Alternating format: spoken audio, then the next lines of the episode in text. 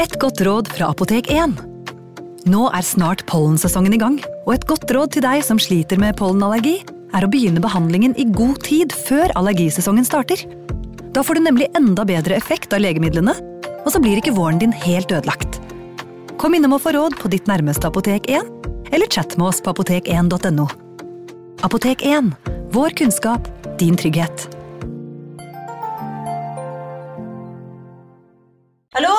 Jeg kommer fra Oslo politikammer.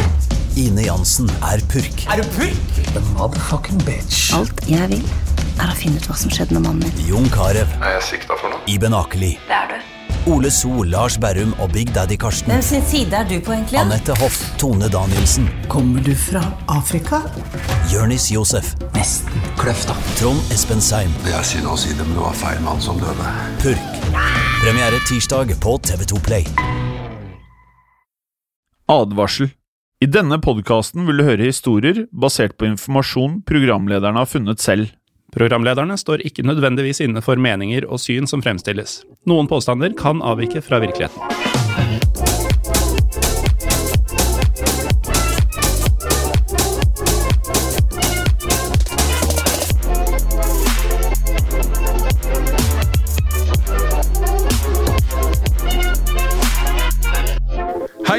Velkommen til en ny episode av Historiepodden. Mitt navn er som alltid Jim Fosheim. Og mitt er som vanlig Morten Gallaasen. Jim.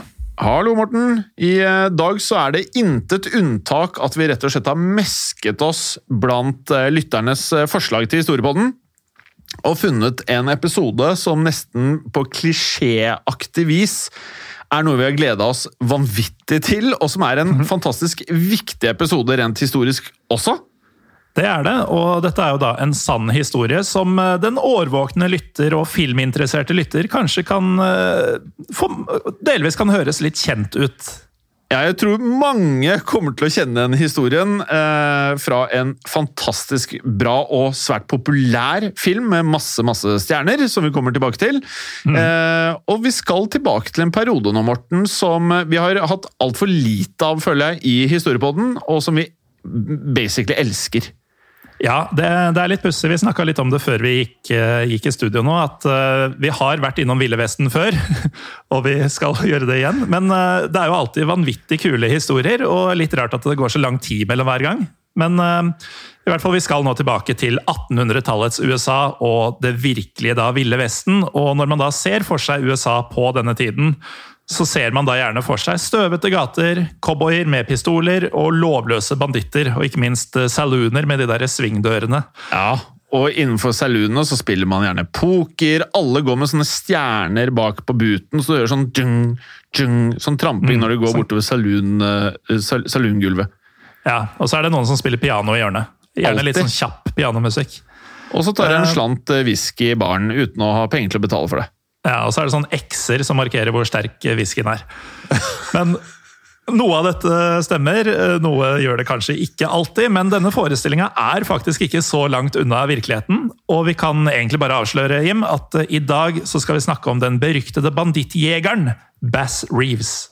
Ja, Og ordet beryktet føler jeg er eh, veldig riktig her, da. For Bass Reeves var virkelig en annerledes type, noe dere sikkert kommer til å være enige i oss i løpet av episoden. Men eh, først så må vi snakke litt om Bass Reeves sin bakgrunn og oppvekst. For eh, Reeves han var mørk i huden og ble derfor i 1800-tallets USA født som slave. Han ble født i 1838 i Arkansas, på eiendommen til den rike forretningsmannen William Steele Reeves. Ja, så Bass Reeves og hans foreldre var da altså slavene til William Steele Reeves, og på den tiden var det vanlig at slaver tok etternavnet til sin herre. Og dermed ble også Bass hetende Reeves til etternavn. Hans første leveår var preget av hard jobbing og blodslit fra morgen til kveld.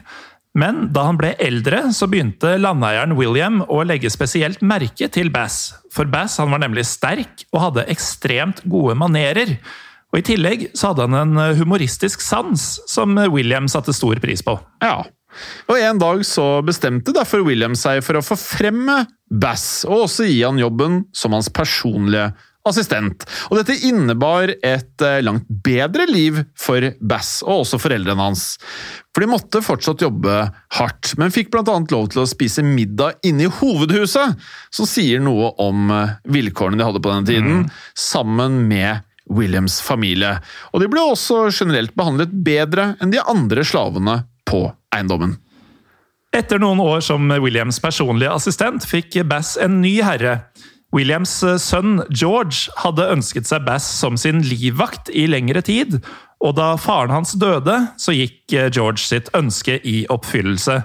Så de neste årene fulgte Bass etter George hvor enn han gikk, og passa på at han alltid var i sikkerhet og at han var trygg.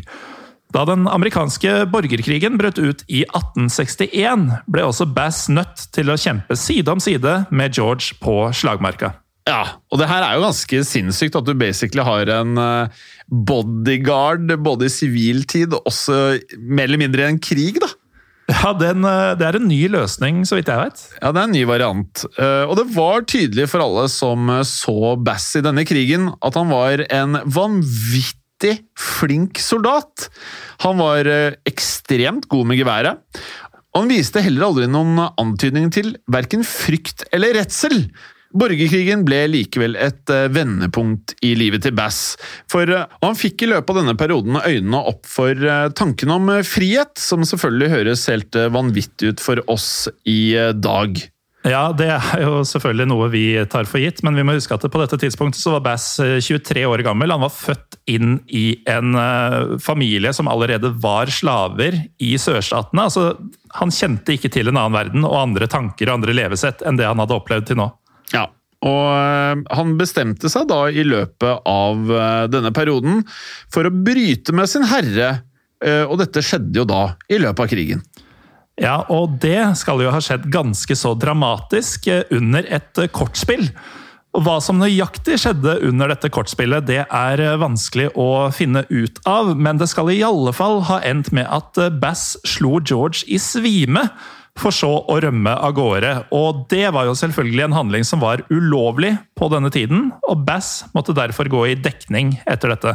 Det må ha vært noe helt sinnssykt som skjedde. For det her er jo nesten som å si at du Ja, du ville jo blitt henretta, vil jeg tro.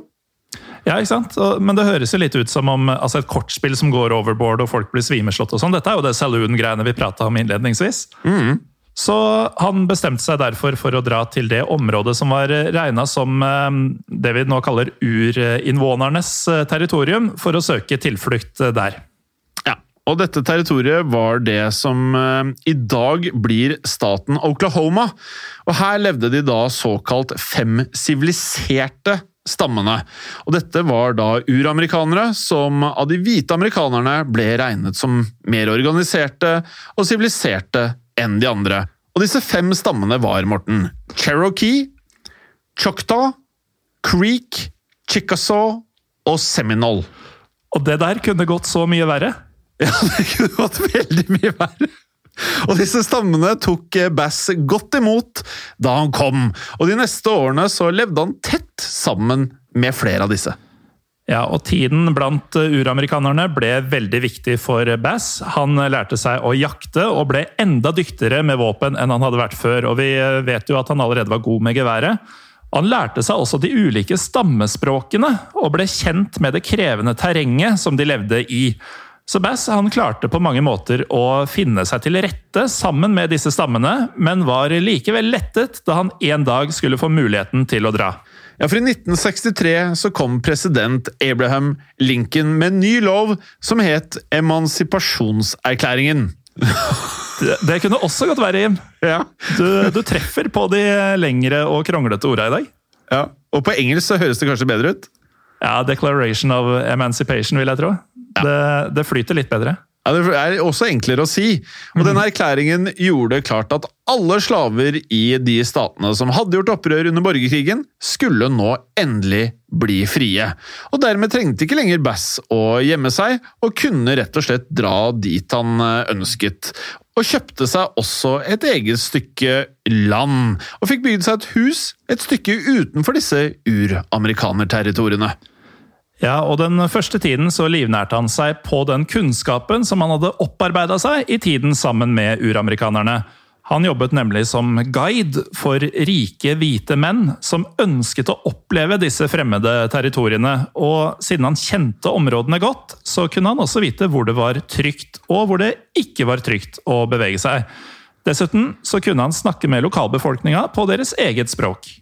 Og I denne perioden så traff også Bass sin kone, som han da også omsider giftet seg med. Og sammen fikk Bass og konen ikke mindre enn elleve barn og den da svært store familien var på et tidspunkt nå svært lykkelige, og Bass var innstilt på at han skulle leve på akkurat denne måten resten av livet sitt. Men Morten, det ble slettes ikke tilfellet, for vi nevnte jo tidligere at Bass han var beryktet. For alt endret seg nemlig da Isaac Parker ble utnevnt til dommer i dette området. Ja, altså dette området, eller områdene rundt disse uramerikanske territoriene, var beryktede på denne tiden, for det var en kjent sak at det fantes svært mange forbrytere der, og at mordraten var høy. Og Grunnen til at så mange forbrytere befant seg akkurat her, var fordi det var lett for dem å gjemme seg i disse uramerikanerområdene. Og dette ønska den nye dommeren, Parker, å gjøre noe med. Han ønsket det, og det første han gjorde, var å ansette en ny US Marshal for området, som het James Faggan.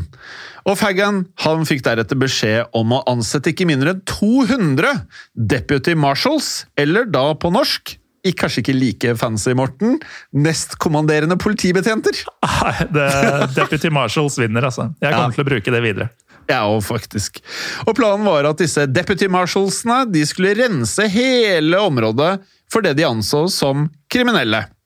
Og Da Faggen skulle velge sine 200 menn, var han aldri i tvil om at han ønsket seg Bass Reeves. Yeah. For Bass hadde tross alt alle kvalifikasjoner som skulle til for å gjøre denne jobben ikke bra, men fremragende. Ja, for ikke bare var han uvanlig stor og sterk, og han hadde jo også erfaring fra slagmarka, men han hadde også denne unike kunnskapen da, om disse områdene som vi har nevnt, der de fleste av de kriminelle befant seg. Og Faggen han brydde seg heller ikke om at Bass var mørk i huden, selv om eh, en del andre så på dette som upassende.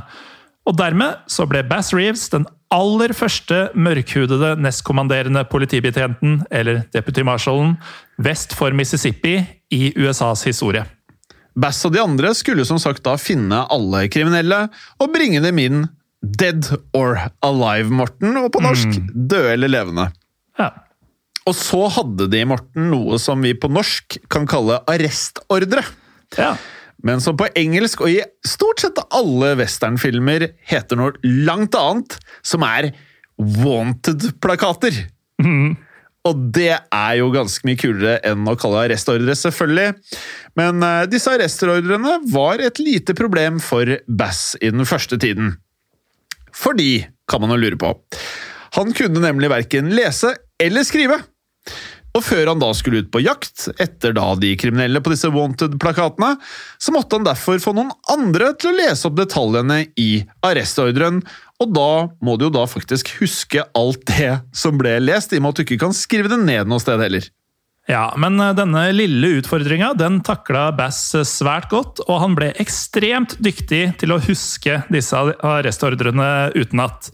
Og det tok heller ikke lang tid før Bass fikk et godt rykte i området, for han var svært effektiv, og han hadde en god arbeidsmoral. Dessuten så var han et ganske mektig syn for de som så Bass komme ridende, for han eh, red alltid på en stor, hvit hest. Og han hadde på seg en stor hatt og svarte, skinnende lærstøvler. Dessuten så hadde han, og dette er kanskje min favoritt når vi maler dette bildet av Bass Reeves, ja. en stor og flott bart plassert rett under nesa. Han høres ut som en eh, flott eh, mann. Han gjør jo det. Et skue for øyet, Morten. Et skue for øyet? Kanskje ja. Jamie Fox kunne spilt en sånn karakter i en eller annen film. ja, Det hadde jo vært helt vanvittig godt uh, tilpassa rolle for han. Mm. For det er ingen tvil om at Bass hadde et imponerende utseende, men han var også en mester, har vi forstått, i å forkle seg når han måtte det. Og i og med at han da var mørkhudet, var det ikke vanskelig for han å overbevise kriminelle om at han selv var lovløs. Og de aller fleste hadde jo da tross alt ikke hørt om en eh, svart politimann på denne tiden. Han utga seg også for å være en rekke andre karakterer, som også en cowboy, en tigger og også en eh, bonde. Jeg liker at han rett og slett går undercover. Ja, han går undercover. Mm. Og det er ganske tidlig. Eh, Vi har vel ikke hørt eh, om noen eh, før han i historien som har gått undercover, faktisk. Når jeg tenker meg om. Nei, men dersom noen andre har gjort det, så må dere gjerne fortelle oss om det i Facebook-gruppa vår Historie for alle.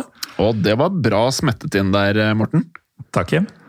I hvert fall disse undercover-oppdragene, eller forkledningene, de ga god avkastning for eh, Bass. Han eh, dro ofte ut på reise med flere ulike eh, arrestordre, som han da ikke kunne lese, på innerlomma.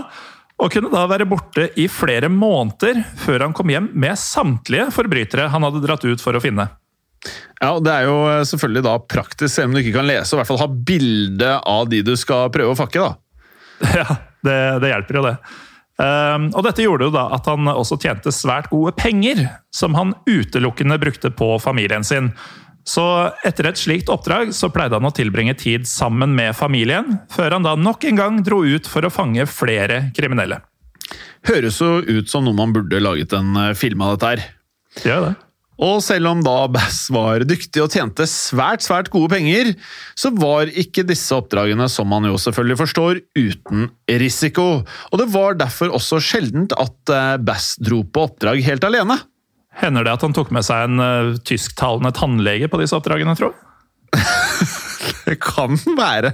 I hvert fall så hadde jeg, jeg hadde skrevet inn en sånn karakter eh, hadde jeg lagd en film, i hvert fall. Eh, og det var likevel som oftest eh, Bass som klarte å oppsøke de lovløse, og gjerne da ved å bruke en, eh, ja, en eh, høy grad av intelligens. For ofte så måtte de nemlig lure de kriminelle ut av gjemmestedene sine for å få tak i de. Og dette var en av Bass sine store, store spesialiteter, i tillegg til å kle seg ut. Og Et eksempel på dette var da Bass var på jakt etter to lovløse som hadde gjemt seg i Red River Valley, nær grensa til Texas. Bass hadde fått en arrestordre på disse to, og reiste sammen med flere andre kolleger. De hadde også fått et tips om at de kriminelle sannsynligvis gjemte seg hjemme hos sin mor, som da bodde i denne dalen. Problemet var bare at eh, moren gjemte de to sønnene sine godt, og at hun da hadde måter å få de i sikkerhet på om noen politimenn skulle dukke opp på døren hennes uten forvarsel. Så de måtte derfor finne en måte å få lurt dem frem på. Så de bestemte seg derfor for å avvente situasjonen, og slo leir rundt 45-50 km unna dette huset, der forbryterne angivelig skulle være. Og det var da Bass kom opp med en genial plan. Ja, Bass eh, dro fram en gammel klassiker. Han bestemte seg for å kle seg ut som en lovløs og dra til dette huset alene. Så han eh, tok av seg uniformen og kledde seg i filler. Han ruska til håret sitt og prøvde å se så loslitt og furet og værbitt som eh, mulig. Deretter så lot han hesten sin stå igjen i leiren og begynte å gå mot huset til fots. Så da han kom fram, så banka han på døra, og moren til de to lovløse åpna døra. Bass han pustet og peste og fortalte at flere politimenn var på jakt etter han. Ja, og kvinnen som eide huset, lot dermed Bass komme inn, og hun hadde ingen problemer med å tro på historien hans, og fikk straks medfølelse med Bass. Og da Bass hadde fått mat og noen varme klær, begynte kvinnen å fortelle om sønnene hennes, og at de også var lovløse og på flukt fra myndighetene. Hun foreslo også at Bass kunne slå seg sammen med dem, slik at de sammen kunne beskytte hverandre. Og det er liten tvil da om at hun så på denne grandiose, flotte Bass, sikkert etter at han hadde fått på seg klærne, da, som en mulighet for å øke sikkerheten for sønnene sine.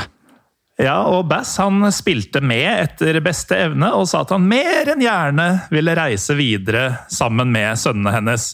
Han eh, spurte også om hvor han kunne finne dem. Og moren deres gikk dermed ut eh, døra og blåste lett i en fløyte. Hvorpå kort tid etterpå så dukka de to lovløse opp og kom inn i huset. Og Da de så Bass, så ble de først nervøse, men moren fortalte straks hvem han var, og at han gjerne ville reise sammen med dem.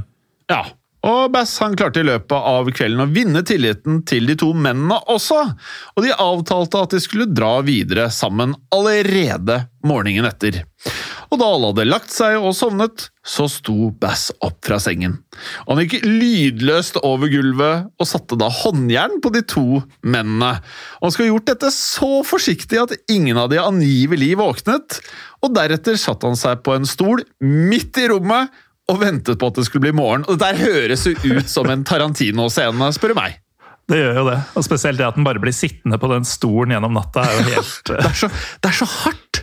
Du er så hard, du er så kald! Du er så Ja, altså- motsatt av det vi to er. Du har allerede uskadeliggjort dem, hvorfor sleper du dem ikke bare ut og roper på kompisene? Ja, Og så er det også ganske enestående at denne svære fyren liksom klarer liksom musestille å gå bortover gulvet. For jeg regner med at dette ikke er eh, parkett. Dette er nok eh, noen sånne treplanker som eh, lager lyder. ja.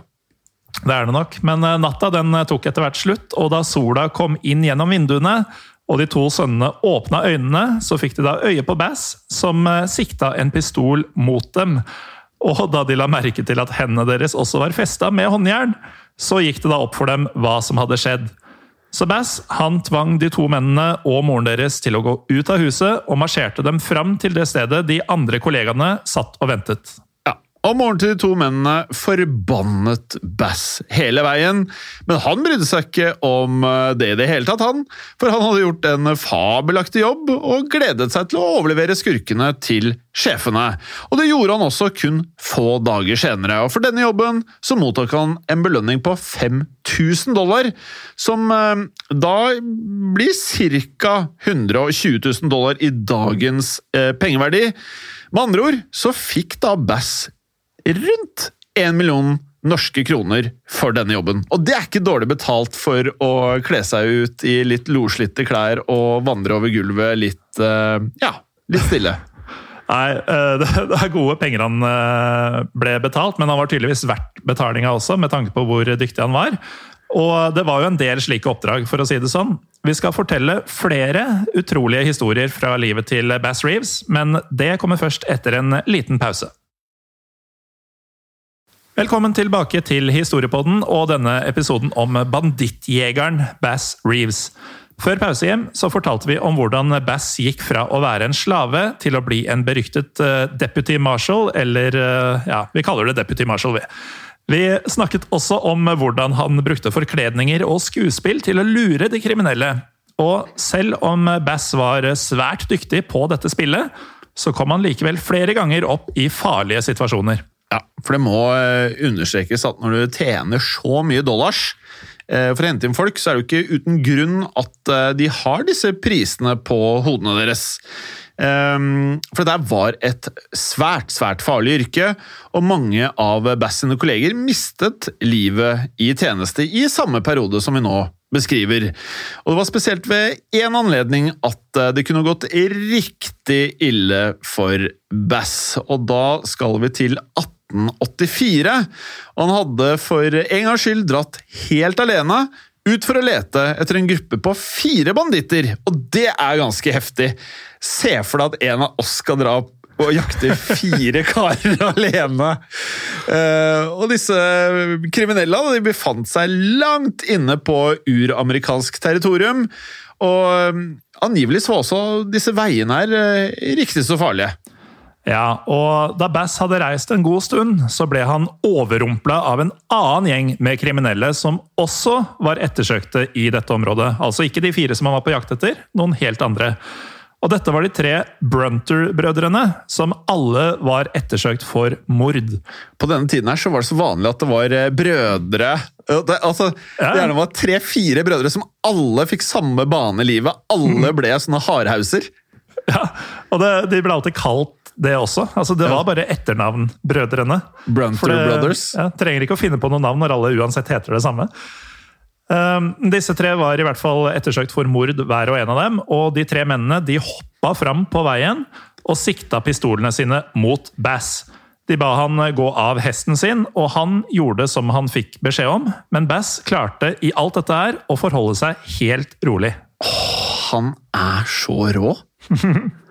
Um, men det var likevel slike situasjoner eh, Bass eh, det var, det var da han var på sitt aller beste. For de fleste andre, inkludert oss selv, Morten, eh, ville nok kjent på en god del frykt i denne situasjonen. Hvis tre mordere retter våpen mot deg? Ja, Ja, jo. Men han her fikk ikke panikk. For det Bass gjorde, var at han rett og slett hilste høflig på de tre Brunter-brødrene, før han deretter fant frem arrestordren deres. Da han hadde funnet den frem, så spurte han om de ikke kunne tenke seg å bli med han, slik at han kunne heve belønningen på hodene deres.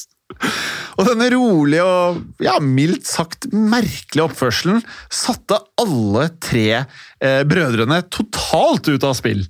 Det er jo mildt sagt forståelig. Altså, For en absurd reaksjon på den Ja, situasjonen.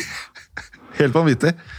Og altså, Brunter-brødrene de hadde jo forventa at Bass skulle kjempe, og hadde da stått klare til å fyre, avfyre pistolene sine. Men da han i stedet da spurte om eh, kunne dere ikke være så vennlige å bli med meg, så fremprovoserte det overraskelse og latter, ikke minst hos brødrene, som da senka pistolene sine og så på hverandre med store glis. Og det var all tiden Bass trengte. Så før brødrene rakk å reagere, så hadde han trukket opp sin egen pistol og avfyrt to ganger. To skudd som traff to brødre rett i hodet, og de døde momentant. Altså, dette er helt sykt! Eh, definitivt en Tarantino-film. Og den siste broren, som uh, var den uh, Brunter-broren som stod nærmest Bass. Han prøvde å trekke av sin egen pistol, men nok en gang så var Bass rett og slett for rask. Så ikke bare var han svær, han var tydeligvis sykt kjapp i vendingen. Og treffsikker. Ja, veldig treffsikker. Det var jo bang, bang, én kule i hvert hue på to av brødrene. Um, han hadde tatt tak i pistolen og vendt den ned mot bakken, slik at skuddene til den siste broren ble avfyrt uten mottaker. da. Tenk deg, tar tak i pistolen til han siste og bare retter den ned mot bakken! Det er jo helt rått. Ja. Og deretter så slo han eh, pistolen sin hardt i huet på den siste broren, helt til han da falt om. Og Bass han eh, avfyrte pistolen sin enda en gang, og med det så falt den siste broren død om. Og på bare 30 sekunder, dette kan jo være overdrevet selvfølgelig, så klarte han altså da å ta livet av tre av disse beryktede eh, brødrene her. 30 sekunder, det er jo det historien forteller, men eh, om det tok 60 eller 45 eller mer, det vet vi jo ikke. Eller langt færre, for den saks skyld, for dette må jo ha skjedd eh, in the blink of an eye, som man sier. Ja. Men uh, vi har jo hinta litt, eh, Jim. Vi kan kanskje si at uh, det er jo Django Unchained som er Tarantino-filmen som vi har uh, sikta til her. Som da nettopp handler om en tidligere slave som tar livet av eh, banditter. Vi har ikke fått bekrefta at Bass Reeves-historien er det som har inspirert Tarantino til å lage den, men det, det er jo noen paralleller her. Det som i alle fall er sikkert, er at Bass var svært dyktig i denne jobben sin. Han var veldig flink, og eh, det fikk han da bevist gang på gang. Og det skulle ikke ta mange år før Bass var eh, et veldig kjent navn blant de kriminelle i området. Og faktisk så skjedde det også flere ganger at kriminelle overga seg frivillig idet de fikk høre at eh, Bass var på utkikk etter dem. Det er gans... Da, da har du blitt svær. Og tross dette fremragende ryktet, så måtte Bass flere ganger i løpet av karrieren slite med at han da faktisk var mørkhudet. Ja, for selv om de aller fleste av kollegene hans anerkjente han som en av de aller dyktigste, så var det fortsatt flere som mente at det var feil at en mørkhudet mann skulle arrestere hvite forbrytere. Ved ett tilfelle måtte også Bass ty til pistolen for å ikke bli drept selv. Dette skjedde da Bass var på vei tilbake til myndighetene med en rekke fanger som han og noen andre kolleger hadde henta inn. Ja, og mens de da gikk langs eh, veien, så ble de stoppet av en hvit politimann som ikke likte at Bass hadde kontroll over disse fangene. Og han truet da også med å skyte Bass hvis han ikke overlot ansvaret for de kriminelle til han. Og heldigvis for Bass, eller eh, for den hvite politimannen, alt ettersom, ble det ikke avfyrt noen skudd denne gangen, fordi en eh, annen kollega av Bass gikk i forsvar og fikk avverget hele situasjonen. Og det var likevel andre tilfeller i løpet av karrieren hans som var langt mer dramatiske også. Og der, der kan jo En ting er jo um, dette med rasisme, men en annen ting var jo at uh, det var nok flere som da så på dette som en ypperlig uh, unnskyldning til å da stjele fangene også fra Bass, mm. som da uh, ville gitt dem masse penger. Ja. Men du sa dramatisk, Jim, og det er stikkord her. For den aller første gangen Bass tok livet av en kriminell, så ble det hele forårsaket av nettopp rasisme. Den kriminelle som Bass skulle arrestere, nektet å la seg herse med av en eh, mørkhudet mann, og forklarte at han heller ville dø enn å følge det som han da var, uh, ifølge han var en svart manns ordre. Så Deretter så rettet han geværet mot Bass, men før han rakk å fyre av, så klarte Bass å skyte mannen i brystet, slik at det var han som døde. Altså, Det er helt vanvittig. Han er kjapp og treffsikker, som vi har sagt. altså. Det er ja, det... hver gang. Ja, det er helt vanvittig. Um, og det var i det hele tatt uh, ganske mange slike dramatiske situasjoner som ikke da skjedde innimellom, men som skjedde ganske jevnt i løpet av Bass sin relativt lange karriere. Og en av de eh, vanskeligste prøvelsene eh, som Bass skulle møte på, kom allikevel i 1887, da han selv ble arrestert og mistenkt for mord, alle ting. Eh, for han hadde da vært på et oppdrag sammen med flere av kollegaene sine og deres private kokk. Tenk deg det, Morten, å ha med seg en kokk på ting. Ja, det høres jo råflott ut. Ja, det, det gjør kanskje det, men det var nemlig relativt vanlig, etter hva vi forstår å ha med seg en egen kokk når de da var ute på oppdrag over flere måneder. Og På denne turen så ble denne kokken skutt og drept av Bass, og han måtte dermed forklare seg foran dommeren, nettopp Isak Parker. Ja, og Bass forklarte at eh, jo da, det var hans skudd som hadde truffet kokken i nakken slik at kokken døde, men det hele hadde vært en ulykke. For han hadde prøvd å få løs en kule som hadde satt seg fast, og pistolen hadde dermed gått av. Og heldigvis for Bass så hadde han over ti vitner som hadde sett situasjonen, og som kunne bekrefte historien hans. Så dermed ble da utrolig nok, eh, for han hadde jo tross alt skutt og drept denne kokken, så ble han frifunnet og kunne fortsette i jobben sin akkurat som før. Ja, og Det er egentlig på sett og vis veldig deilig å høre her, for her kunne jo dommeren brukt da dette er som en, øh, ja, en unnskyldning til å sette Bass bak lås og slå, eller til og med henrette han. Ja, for man er jo ikke helt solgt på at uh, rettssystemet i Det ville vesten var uh, helt på topp hele tida. Nei, det er fremdeles ikke på topp, så jeg tror den gang så var det ganske langt unna topp, Morten. Uh, uansett så var det slik at de neste årene så fortsatte Bass å hente inn flere hundre kriminelle. Og på dette tidspunktet så hadde han allerede jobbet i mange år, og alle visste at han var en av de aller, aller dyktigste.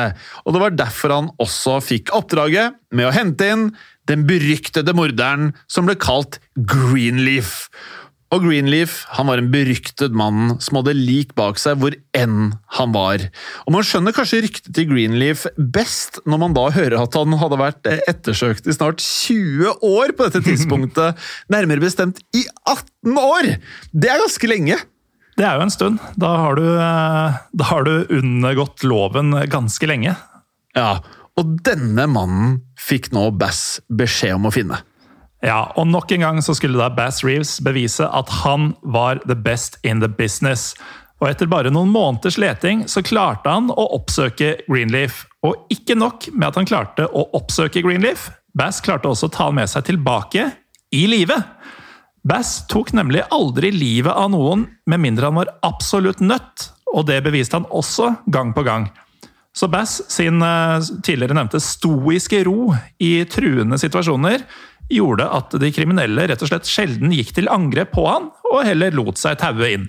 Ja, jeg skulle Jeg, jeg må, må, bare Jeg skulle ønske jeg hadde musklene til Bass, jeg skulle ønske jeg hadde barten til Bass, men mest av alt skulle jeg ønske jeg hadde roen til Bass. Ja. Skulle nesten ønske man var Bass. Ja, på sett og vis. Mm. Um, og dette var jo også da grunnen til at Bass i løpet av en ganske lang karriere For Bass holdt på i 32 år! Og i løpet av disse 32 årene, som eh, var en vanvittig lang karriere, så ble han ikke en eneste gang såret. Det er jo helt sjukt. Ja, det er helt vanvittig. Eh, Det skal riktignok sies at eh, hatten hans ble skutt flere ganger. Og det er jo ikke det Det betyr jo at du er ganske nære. Ja, Men også at du har en ganske høy hatt, antagelig. Men han fikk da også aldri en eneste kule inn i noen del av kroppen. Og dette var en bragd han nesten var eh, alene om å oppnå, for de aller fleste, som man selvfølgelig skjønner av kollegaene hans, var blitt skutt i løpet av tjenesten. Eh, Og så skal det også nevnes at eh, Bass var en av de aller raskeste, som vi nå kanskje allerede har skjønt, til å trekke av pistolen. Det ble, det ble nærmest mytisk om hvor rask Bass var. Og om han måtte, så var det derfor få som da klarte å skyte eller å være raskere enn Bass. Altså Han var nesten som Lucky Luke, altså raskere enn skyggen. Og med det så ønsket da ikke kriminelle å havne i noen form for skuddveksling eller duell med Bass. Nei. Så helt åpenbart, da, i løpet av 32 år hvor du jakter på de farligste kriminelle i landet, så betyr jo det at Bass gjennomførte en rekke krevende oppdrag i løpet av denne karrieren. Men den aller vanskeligste jobben den fikk han likevel helt mot slutten. For en dag så fikk han nemlig greie på at det var sendt ut en arrestordre på hans egen sønn. Sønnen hadde tatt livet av sin kone og hadde deretter stukket fra byen. Bass, eh, i eh, sin kjente stil, forholdt seg faktisk rolig også her. Og fortalte sjefen sin at han selv gjerne ville ta på seg oppdraget med å hente sønnen tilbake. Ja, Tenk deg å få beskjed om det. Og ville ta jobben. Ja, Det er helt vanvittig, men antageligvis så var det jo et eh, lurt trekk da, Bass, dette her. For han var, eh, var nok fullstendig klar over at eh, det var en relativt stor sannsynlighet for at noen av de andre kollegene ville rett og slett gitt gutten lite sjans og tatt livet av han ved minste mulighet. da. Så Bass han dro da også ut for å finne sin egen sønn. Og som så mange ganger før i karrieren, så klarte han jo å finne den han lette etter. Bass sin sønn ble deretter stilt for retten og dømt til livstid i fengsel. Og det var jo ekstremt tungt for Bass, men han mente likevel at det var en rettferdig avgjørelse. For Bass han var virkelig en mann av loven og satte rettferdighet over alt annet. Noe som eh, kommer til syne i et av hans mest kjente sitater, som er følgende Maybe the law ain't perfect, but it's the only one we got, and without it, we got nothing. Altså, det der det er i hvert fall en filmreplikk, men tenk deg at det eksisterte menn en gang i tiden som sa ting eh, av så høy viktighet, og som var så velformulert, at det til slutt ble noe som i dag kan kalles klisjeer. da. Ja, ikke sant? For det, det høres jo ut som ja, nettopp som du sier da, en linje fra en film. Og Ja. hadde det vært en linje fra en film, så hadde det ikke vært en spesielt god linje. Men siden det er fra virkeligheten, så er det jo helt enormt. Ja. Og dette sitatet setter nok også ord på det han følte da sønnen måtte i, fengsel. Men heldigvis for Bass så måtte ikke sønnen sone hele dommen, fordi han senere slapp ut av fengsel pga. eksemplarisk oppførsel, og Bass sørget også da for at sønnen aldri noensinne gjorde noe ulovlig igjen. I hvert fall ikke så vidt vi vet. Så vidt vi vet. Og um, vi nærmer oss da slutten på denne historien om uh, Bass Reeves, men uh, avslutningsvis så må vi si noe om omfanget av jobben som han gjorde i løpet av karrieren. Ja, for det er helt vanvittig, dette her. Det er helt utrolig. altså Dere tror det er utrolig fram til nå, men nå skal det komme noen tall som kommer til å blow your minds. altså, Vi trodde ikke det var sant når vi leste dette her. Nei, det, jeg tror det egentlig fortsatt ikke, men det, det, vi har nå funnet det fram. Um, og det sier også litt om hvilke verdier han hadde. da. Men i løpet av disse 32 årene i denne karrieren så hentet Bass inn over 3000 kriminelle. Helt sjukt i seg selv, det er jo 100 i året, uh, give or take. Og av disse over 3000 så tok han bare livet av 14. Det er meget imponerende. 14 mennesker. Og det viser jo hvor lite Bass egentlig ønska å ta andres liv. Han gjorde det rett og slett bare hvis han absolutt var tvunget til det. Og Morten, når du har fanget 3000 kriminelle, og vi har hørt tidligere i episoden liksom, hvor mye penger det var i dette her Han må jo ha tjent enorme summer med penger. Ja, Vi har ikke klart å finne noe ordentlig tall, men vi husker jo disse to brødrene som eh, altså Bare å hente inn to av disse eh, betydde ca. en million kroner i banken for han. De var da to av 3000. Uh, og så har det selvfølgelig vært uh, varierende størrelse på dusørene på de forskjellige han har henta inn, men det må jo være enorme, altså uforståelige summer som Bass ja. Reeves tjente i løpet av disse 32 årene. Ja, han var nok en rik mann. Skulle man, skulle man tatt de tallene uh, som grunnlag, i hvert fall. Yep. Og eh, Det som er helt åpenbart nå, ut ifra det vi har eh, pratet om i dag, så er det jo det at Bass levde og åndet for det han mente selv var rettferdighet. Og dette gjorde han også helt til siste slutt, som da var den 16. november 1907 ble Oklahoma offisielt en amerikansk stat, noe som da igjen førte til at måten man hentet inn kriminelle på, ble endra. Og Bass han tok dermed jobb som en helt alminnelig politibetjent, noe som han da også jobbet med fram til sin død tre år senere, i 1910. Og med Bass Reeves død så er jo historien om Bass Reeves sitt liv over. Men eh, Jim, vi har jo spekulert i eh, linken mellom Tarantino-filmen Django Unchained og den historien her, for det er jo mange likheter. Mange. Men det er uh, laget en annen film som uh, vi ikke trenger å spekulere i om det er en link uh, eller ikke. Nei, det trenger vi absolutt ikke. Det er en film som heter um, Hell on the Border. Åh, det er fint tittel, ja. altså. Ja, det er fantastisk, men det er ikke bare Altså, han her er jo åpenbart blitt et uh, kultikon. Mm. Og vi har også da uh, funnet frem til at uh, Bill O'Reilly han mener at det er slik at Bass Reeves var basisen for en TV-serie som het The Lone Ranger. Så jeg tror at uh, hvis man googler Altså, man kan google mye rundt uh, Bass Reeves. Jeg tror du vil finne flere serier og spekulasjoner om serier, tegneserier, filmer som er basert på Bass Reeves. Definitivt. Og vi blir jo veldig glad hvis eh, dere som hører på, kommer inn i Facebook-gruppa Historie for alle for å diskutere litt om ja, hva dere tenker om historien om Bass Reeves. Om dere har Eh, andre filmer, eh, klipp, eh, kilder og sånn til, til ting vi har snakka om, og ting vi kanskje ikke har snakka om i dagens episode. Ja, og så kan jeg jo også legge til at hvis dere er nysgjerrige på filmen Hell on the Border, så eh, oppfordrer jeg Jeg har ikke sett den. Jeg er usikker på om jeg skal se den. Den ligger på 4,2 på IMDb. Og coveret ser litt hardt ut, må jeg si.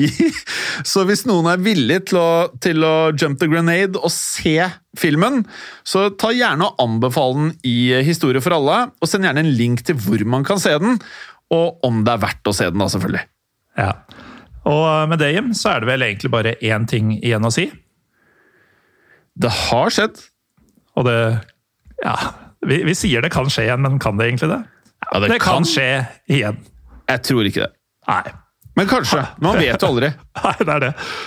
Ha det bra. Ha det.